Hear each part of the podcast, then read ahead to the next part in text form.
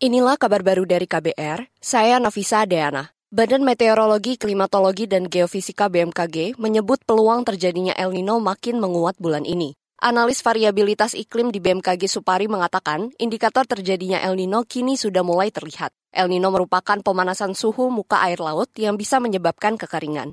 Jadi kami uh, memprediksi memang El Nino menguat uh, peluangnya gitu. Dan ini indeks sudah lima dasarian atau sekitar hampir dua bulan sudah di atas level normal sehingga kedatangan El Nino ini sudah semakin meyakinkan gitu. Analis variabilitas iklim di BMKG Supari memperkirakan El Nino tahun ini akan berada di level moderat atau sedang. Curah hujan pada Agustus hingga Oktober 2023 diprediksi di bawah normal, utamanya terjadi di Sumatera, Jawa, Bali, NTB, NTT, sebagian Kalimantan, dan sebagian Sulawesi. Kita ke berita lain.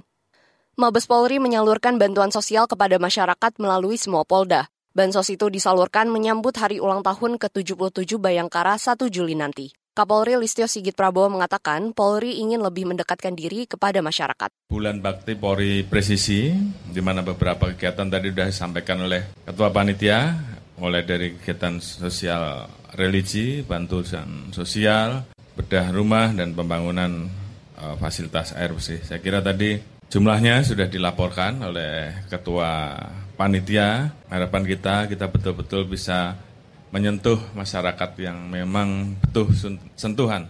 Kapolri Listio Sigit Prabowo menambahkan, bantuan sosial diberikan kepada masyarakat yang mengalami tekanan ekonomi pasca pandemi COVID-19. Tahun ini, lebih dari 320 ribu paket bansos akan disalurkan kepada pedagang kaki lima, buruh yang terkena PHK, nelayan, hingga pemulung. Kita ke berita selanjutnya.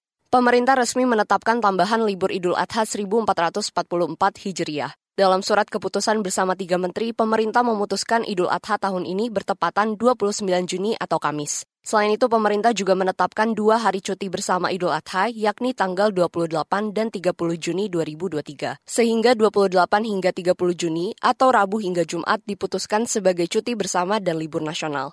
Ketetapan ini ditandatangani oleh Menteri Agama Yakut Holil Kumas, Menteri Ketenagakerjaan Ida Fauzia, dan Menteri Pan-RB Abdullah Azwar Anas pada 16 Juni 2023. Demikian kabar baru dari KBR, saya Nafisa Deana.